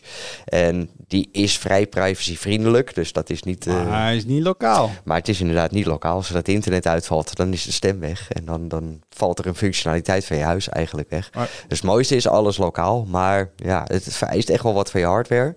En ja, de softwarepakketten die houden daar ook rekening mee. Dus zijn misschien in sommige gevallen ook niet zo uitgebreid dat je eh, ja, eh, daar een enorme eh, ja, LLM achter kan planten. Kan wel, maar ja, dan, dan moet je wel echt aan de bak. En is ook niet heel makkelijk. Iets makkelijker is wel wat ik heb kunnen experimenteren. Ook weer gebruik maken van de cloud. Maar dat is ChatGPT, OpenAI, eraan hangen. En dan zie je wel dat het interpreteren heel veel beter gaat. Het jammer is alleen dat die dan weer niet terugkoppelen kan naar Home Assistant, het onderliggende platform. En daarmee apparaatbediening kan doen. Dus op het moment dat je die koppelt in je spraakpijplijn, zoals het bij Home Assistant dan is, dus dat al je vragen die je aan het platform stelt terechtkomen bij OpenAI, eh, dan is apparaatbediening dus out of order. Maar dan kan je wel de gekste feitjes vragen Ja, dan aan ben je de- eigenlijk gewoon met stem met ChatGPT aan praten. Precies, en dat was dan ook wel weer erg leuk om, om te kunnen doen. En ja, dat is ook een Maar, optie. maar even, die- jij, jij bent een nerd. Ja. In de beste zin van het woord, dat zijn we allemaal. Maar jij, bent, jij vindt het leuk, het hoeft niet allemaal goed te werken. Het mag allemaal voor de helft werken. Dat vind je helemaal niet erg. Nee. Dus een soort best case scenario is jouw huis voor iets wat nog niet af is. Want jij bent best vergevingsgezind.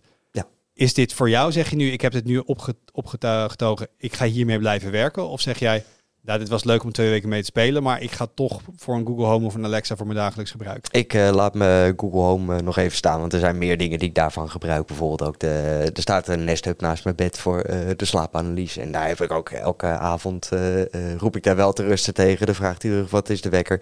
Kun je allemaal inprogrammeren, maar voordat ik op dat niveau ben, ja, dat, daar heb ik eigenlijk geen zin in. Dus ik denk dat ik hem wel, ik laat hem staan.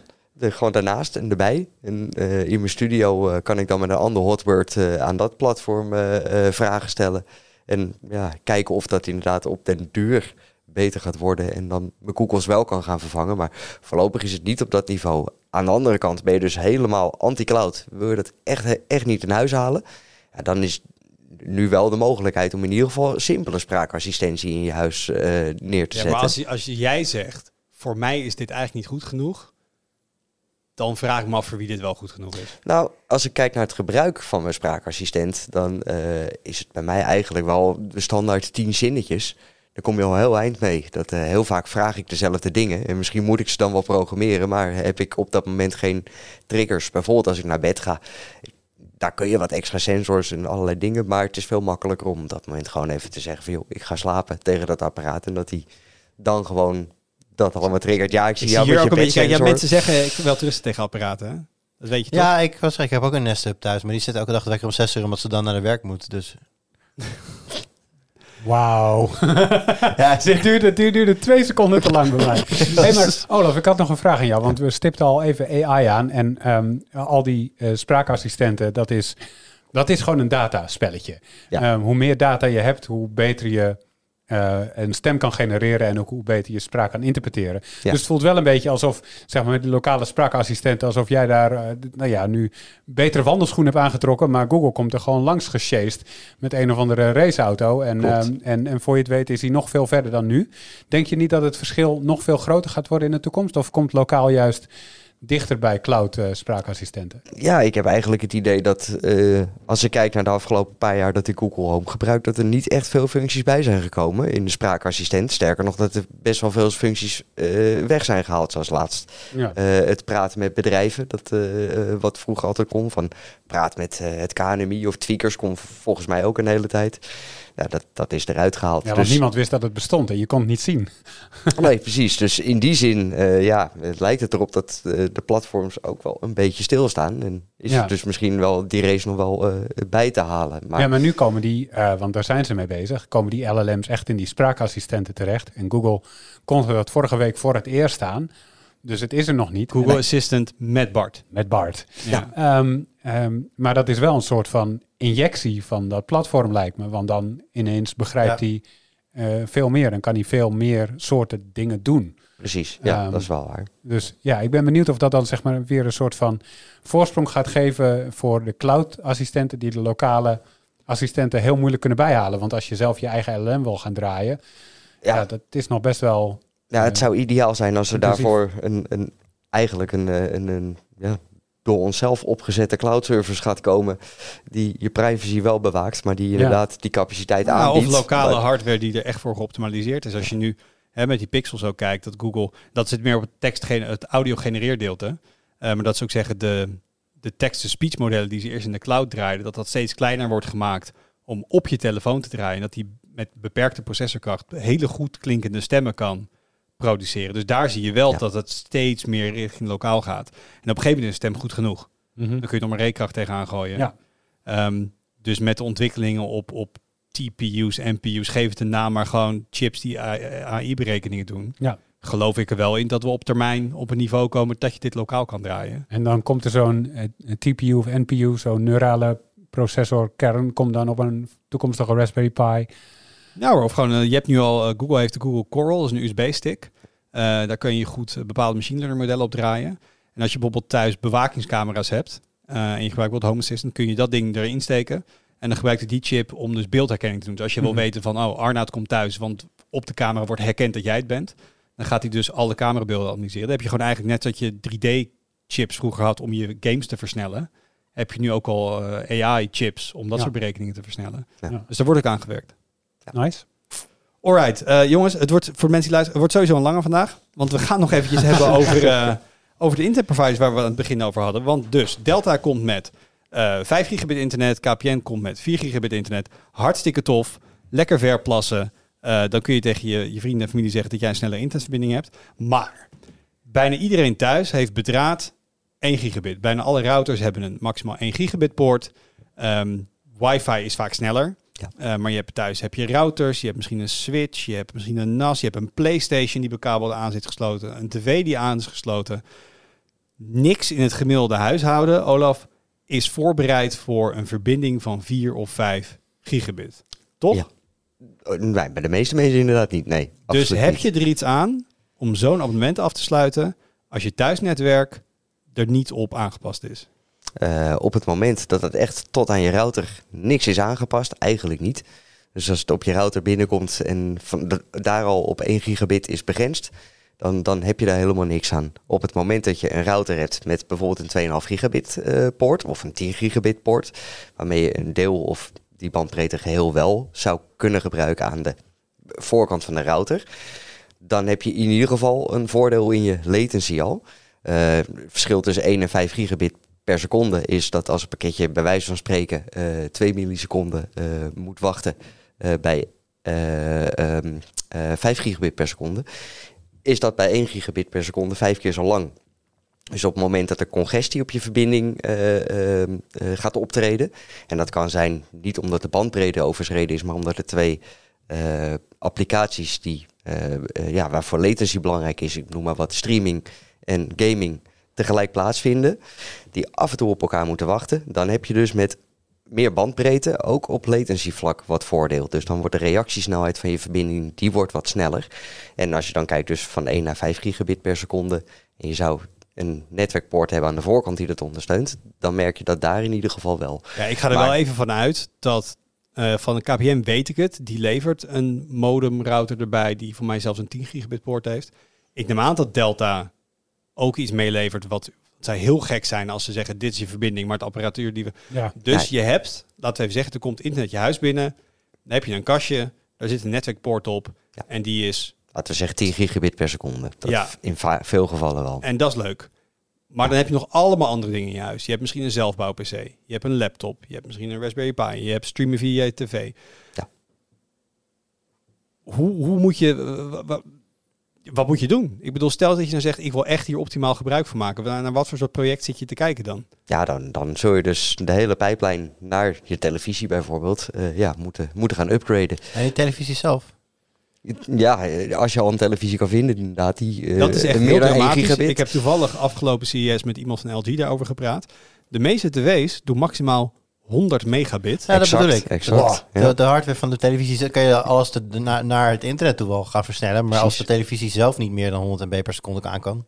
Het, het stom is, de wifi-verbinding op je tv is vaak veel sneller dan de bekabelde versie. En ik heb wel eens gevraagd aan iemand van, waarom doe je niet gewoon even een gigabit chipje erop? Ja, dat eh, kost halve dollar extra. Ja. Ja, en mensen gebruiken wifi. En als je dan kijkt hoe bijvoorbeeld smart TV's, eh, de achterliggende hardware, nou, dat, dat is vaak zo abominabel traag. Ja. Of je daar gigabit snelheden mee kunt halen, dat, eh, dat vraag ik me eigenlijk al af. eh. Maar het en laat wifi, staan meer. wifi is tegenwoordig ehm, behoorlijk snel. Ja. Is het überhaupt nog verstandig om dan je, al je bekabelde dingen aan te gaan passen thuis? Of moet je gewoon eigenlijk alles op de nieuwste wifi standaard gooien? En heb je dan niet juist optimaal gebruik van zo'n verbinding? Ehm, ja, dan, dan zou je de gigabit kunnen overstijgen. Zeker eh, als je gebruik gaat maken van eh 6 gigahertz eh, band, de 6 gigahertz radioband. Dus je hebt het over wifi 6E. Ja, En 6E hoger. inderdaad. Ja, ja want dat, die band is nog, nog vrij, vrij rustig. Daar is weinig ruis op. Dus daar kun je vaak ongestoord heel veel data overheen sturen. Maar op de 5 gigahertz en zeker 2,4 gigahertz band, ja, kun je eh, over de gigabit heen is, is zeldzaam. En zul je ook heel dicht bij je access point of je router moeten zitten. En ja, dus het, het- is best wel lastig om op wifi überhaupt al meer dan een gigabit eh, te halen. Dan moeten de omstandigheden heel ideaal zijn. En ja, of je moet gebruik maken van de 6 gigahertz band, dan gaat het al makkelijker. Maar ook die is heel gevoelig voor verval. Dus dan mag je niet ver van je router eh, af gaan zitten. Dan zak je ook al gauw onder de gigabit. En ik zat even in de price watch te kijken. Wat mij opviel. Dit zijn abonnementen van rond de 5 gigabit. Maar dat is Ja. iets wat ik heel weinig terugvind in hardware. Klopt. Het is vaak of je gaat naar 2,5. Ja. Dus 2,5 keer zo snel als wat de meeste mensen thuis hebben. Of in één keer naar 10. Precies. Ja. Ja, Dus 5 als je- gigabit is gewoon niet zo'n hele populaire... Dus als ik nu alles thuis zou upgraden naar 2,5 gigabit, dan pak ik alsnog maar de helft van mijn mooie nieuwe internetverbinding. Klopt, ja. En hetgene wat je laat liggen, dat, eh, ja... daar krijg je nooit binnen. Dat is echt gewoon in het zonde geld. Dus eigenlijk, als je optimaal gebruik wil maken, moet je naar 10 gigabit. Klopt, ja. Nou, we hebben ook wat dingen even opgeschreven, maar als ik kijk naar routers met 10 gigabit ondersteuning, access points, moederborden, switches, netwerkkaarten, het is best karig en knijters duur op dit moment. Klopt, ja. Ja, Dus dan even heel erg terug naar deze abonnementen die geïntroduceerd waren. Waarom hebben ze dit überhaupt bij KPN en Delta gedaan? Is het, ik kijk ook even naar de rest, misschien hebben we een idee. Is dit gewoon, is dit gewoon puur marketing, hoger is beter? Want als ik Ja. het zo hoor, dan is het toch bijna voor de gemiddelde persoon heel lastig om hier thuis überhaupt iets aan te hebben.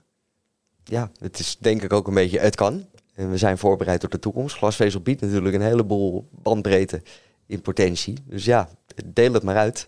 En eh, als je het dan inderdaad kan marketen dan, eh, en- het levert geld op, ja. Dan, Maar ik vind het vooral grappig dat de een dus op 4 gig en de ander op 5 gig gaat zitten. Terwijl we hier dus zien dat zodra je boven de 2.5 komt, dan maakt het eigenlijk niet echt uit waar je zit tot je boven de 10 gaat.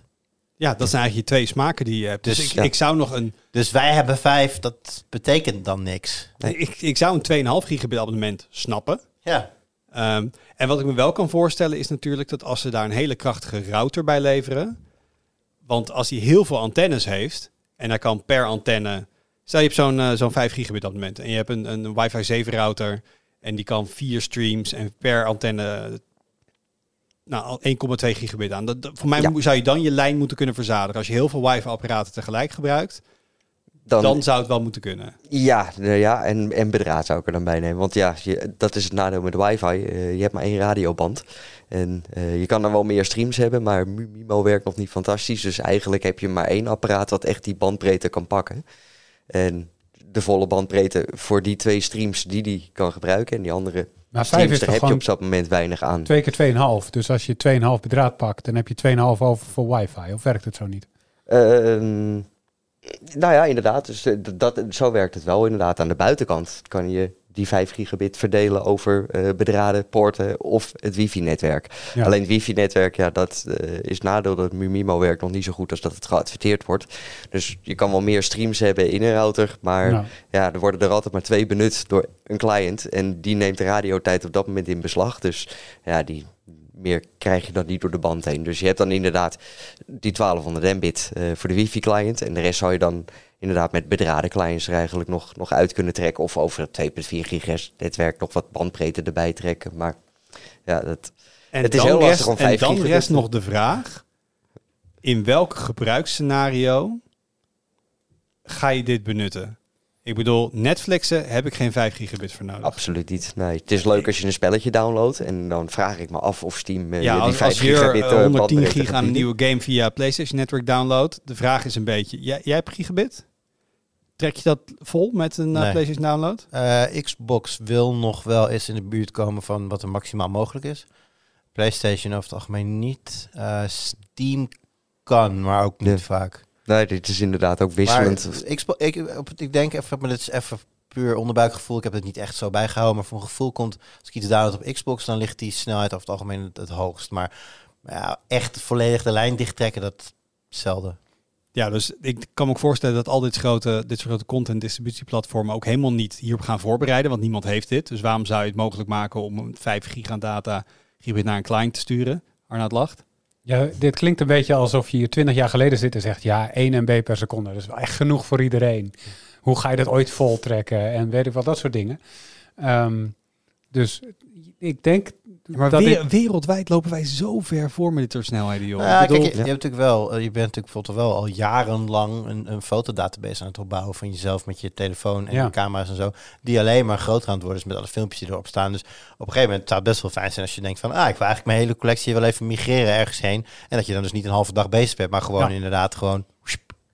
Dus dat, oh, ik, ik wil het ook wel. Maar dan, er, is dus, er is dus best een use case voor. Alleen, kijk, wat- wat- dan, moet, dan moet Google bijvoorbeeld... Files zijn groter, worden altijd groter. Dat is gewoon een, het, het blijft groeien. Games zitten nu steeds meer standaard boven de 100 gig bijvoorbeeld. Ja, dat was ooit, ooit was dat ondenkbaar dat je 100 gig moest downloaden voor Ja. een game. Maar er Ja. komt ook absoluut een moment dat we inderdaad denken, pff, 5 gigabit, eh, ik wou dat het wat meer kon worden. Maar Er zal, er zal ooit Ja. een game zijn die een terabyte groot is waarschijnlijk, ja. Alleen het is meer een... eh, Kijk, Sony, die heeft zeg maar PlayStation Network. Daar moet al die files moeten verstuurd worden naar PlayStation toe voor mensen die aan het downloaden zijn. Die moeten rekening houden met wat is onze maximale snelheid richting één Ja. enkele PlayStation. En ik denk niet dat ze op dit moment, of volgend jaar of het jaar erop, denken, oeh, dat moeten we upgraden naar 5 gigabit. Want in Nederland zijn er twee providers die dit ondersteunen. Terwijl ze kijken ook gewoon mondiaal. Hoe zit het in andere landen? En de meerwaarde voor hun om voor eh, het 1% van de gebruikers dit te activeren, zeg maar, tegenover de kosten, is volgens mij gewoon nul. Ik, ik weet niet hoe het aan de kant van Sony zit, maar op het moment dat die abonnementen er nergens zijn, dan kom je ook niet vooruit. En op een gegeven moment worden games wel groter en dan loop je gewoon tegen die limieten aan. Dus iemand, moet iemand, lang- je moet, iemand moet de langer eerste wachten. zijn. Je moet iets meer geduld hebben. En je vroeg net waarom, waarom willen we dit? Waarom is dit er? Eh, ehm, we zien gewoon concurrentie in actie. Want ze doen het een dag na elkaar. Nee, dat is waar. Het zit dicht bij elkaar. Eh, vast internet is nou niet bepaald een plek waar ze elkaar ontzettende tent aan uitvechten zijn over het algemeen. En nu zien we eindelijk iets van concurrentie. De snelheden worden hoger. En dan zit je, ja, ja waar moeten we het eigenlijk voor gebruiken? Dat is toch, je mag het ook een beetje vieren dat we vooruitgang boeken in deze wereld. En dat je nu dus naar 5 gigabit kan als je dat wil en het ervoor over hebt. Altijd weer Maar dat is er. positief. Maar het Dat kon trouwens, dat kan namelijk ook het best wel lang. Ik weet dat Ja, tuurlijk kan. heel lang geleden, toen ik nog bij klant was bij Tweak, re- rest in peace, dan, eh, toen, toen, die konden toen al 10 giglijntjes eh, Ja. eh, uitrollen. En die kregen, werden, werden ook af en toe, ja, dat kon je niet op de site bij elkaar klikken, maar dat kon je wel aanvragen. Alleen die gingen dan altijd wel even contact opnemen van, goh, wat ben je eigenlijk van plan? Want, Ja. Hoe groot is jouw torrent Ik wou net zeggen, wat voor, wat voor plek server heb je staan? Want, Jij eh, bent dol op Linux ISO's, of ik niet? wil net zeggen, dus dat, het, het, ja, in die zin is het natuurlijk ook niet nieuw. Maar ja, de wereld nu is, eh, is, is meer toe aan die snelheden dan de wereld tien jaar geleden. Dat natuurlijk Ja. sowieso. Ja, Ja, misschien, Arnoud zegt ook, als je het ervoor over hebt. We hadden even een klein rekensommetje gedaan, misschien voor een idee. Eh, op basis van de goedkoopste prijzen in de Pricewatch. En dan even een bundeltje. Stel, je zou een nieuwe router kopen, plus een extra access point voor boven of zo. Ja. Eh, netwerkkaart voor je PC en een switch, want je wil nog wat anders bekabeld doen. Dat is even de set. Als je dat voor ehm 2,5 gigabit wil, en dan even om, om en nabij, ben je rond de 300 euro kwijt. Mhm. Heb je nog geen kabels? Eh, die kabels worden ook steeds duurder. Ga je naar 10 gigabit, wat je dus eigenlijk voor deze nieuwe abonnementen nodig hebt, zit je dus minimaal op 1084 euro om je hard te vervangen. Nou, daar komt nog even wat meter kabel bij, is ook niet goedkoop. Zie je ook denk ik, makkelijk eh, 200 euro erbovenop.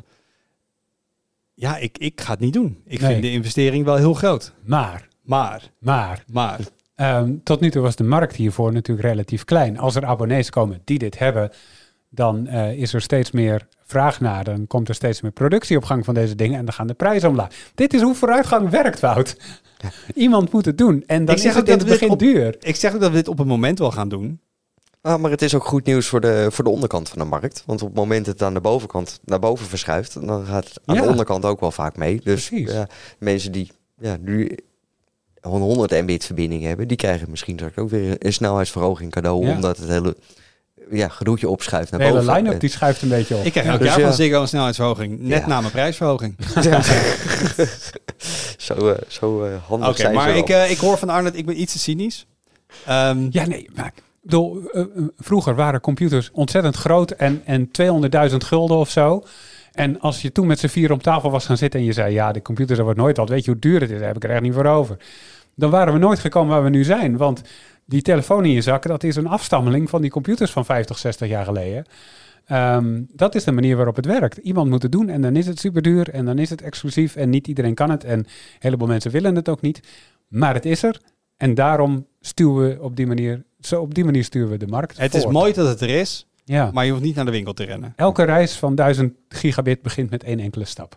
Een beetje overhead omdat het kan. Dat eh, is de Zo, tweaker wat niet een, vreemd. wat een wijsheid om mee af te sluiten. Ik vind het hè? prachtig. Ik kan me zomaar voorstellen dat hier post over binnenkomt. Even kijken nog naar wat er op de site schijnt. Nou, eh, ehm, Olaf zei het al, een stuk over zelfbouw spraakassistenten. Dus wil je daar nou ook mee aan de gang, ga dat zeker lezen volgende week. Ehm, hou je van grote tv's, dan zit je ook goed op tweakers. Want er komt een, een review aan van een hele grote Sony TV. 75 inch volgens mij. Het staat in type nummer, dus ik ga ervan uit dat het 75 inch is. Dat is Lekker echt, groot. eh, als je dat er thuis doorheen krijgt, dan heb ik eh, respect. Pittig. Ehm, de desktop Best Buy Guide komt er weer aan met verschillende gamesystemen. Dus ben je nou in de markt om een nieuwe computer te gaan bouwen, weet je niet precies wat de beste onderdelen zijn en eh, een beetje hoe je het op elkaar af moet stemmen. Wacht daar zeker eventjes op. Ja, kosten, en, kosten componenten nog geld of eh, krijgen we al geld toe als we geheugen en zo kopen? eh, geheugen is nog steeds, voor mij is dat de, de bodem wel bereikt, maar dat is nog steeds voor mij wel een goed moment om een nieuwe SSD te kopen of wat eh, geheugen. Kosten componenten nog wel geld? Nou, we hebben net een hele dikke game PC gebouwd voor Tweakers 25 en die kostte 4000 euro volgens Ja. mij. Maar een jaar geleden was hij natuurlijk 8000 euro geweest. Ja, nee, dat is wel... eh, het- Maar SSD's zijn volgens mij nog wel heel erg op, op dit moment goedkoop. alle flashgeheugen, eh, of gewoon geheugen in het algemeen, dus Ja. SSD's, RAM, dat is allemaal, het zit op een bodemprijs Ja, nu. volgens mij ging Thomas in, eh, in, eh, in de BBG ook voor een relatief dure, omdat het allemaal relatief duur, maar wel gewoon goedkoop is. Dus pak gewoon de beste. Precies. Ehm, dus die komt er weer aan. Ja, en eh, er staat Sneak Peek Assassin's Creed Mirage, maar ja, ik denk dat... eh, Weinig sneak meer aan inderdaad. ik denk eh. dat Jur zijn... eh, Ja, sneak peek Maar- bij maar- Assassin's Creed. Ja, man. mooi. maar als je nou weet, eh, nog meer details wil waarom Jur eh eh M disappoint, dan, eh, dan kun je zeker die review... eh er komt daar nog een, een video bij? Zeker, ik eh, word over, eh, wat is het, over een minuutje of vijf in de studio hiernaast verwacht. Dus, Oké, nou, dit was de Tweakers podcast voor deze week. Bedankt voor het luisteren. Heb je feedback, dan kun je altijd even een comment achterlaten of je kan mailen naar podcast.tweakers.net en je hoort ons weer volgende week. Doei. Doei.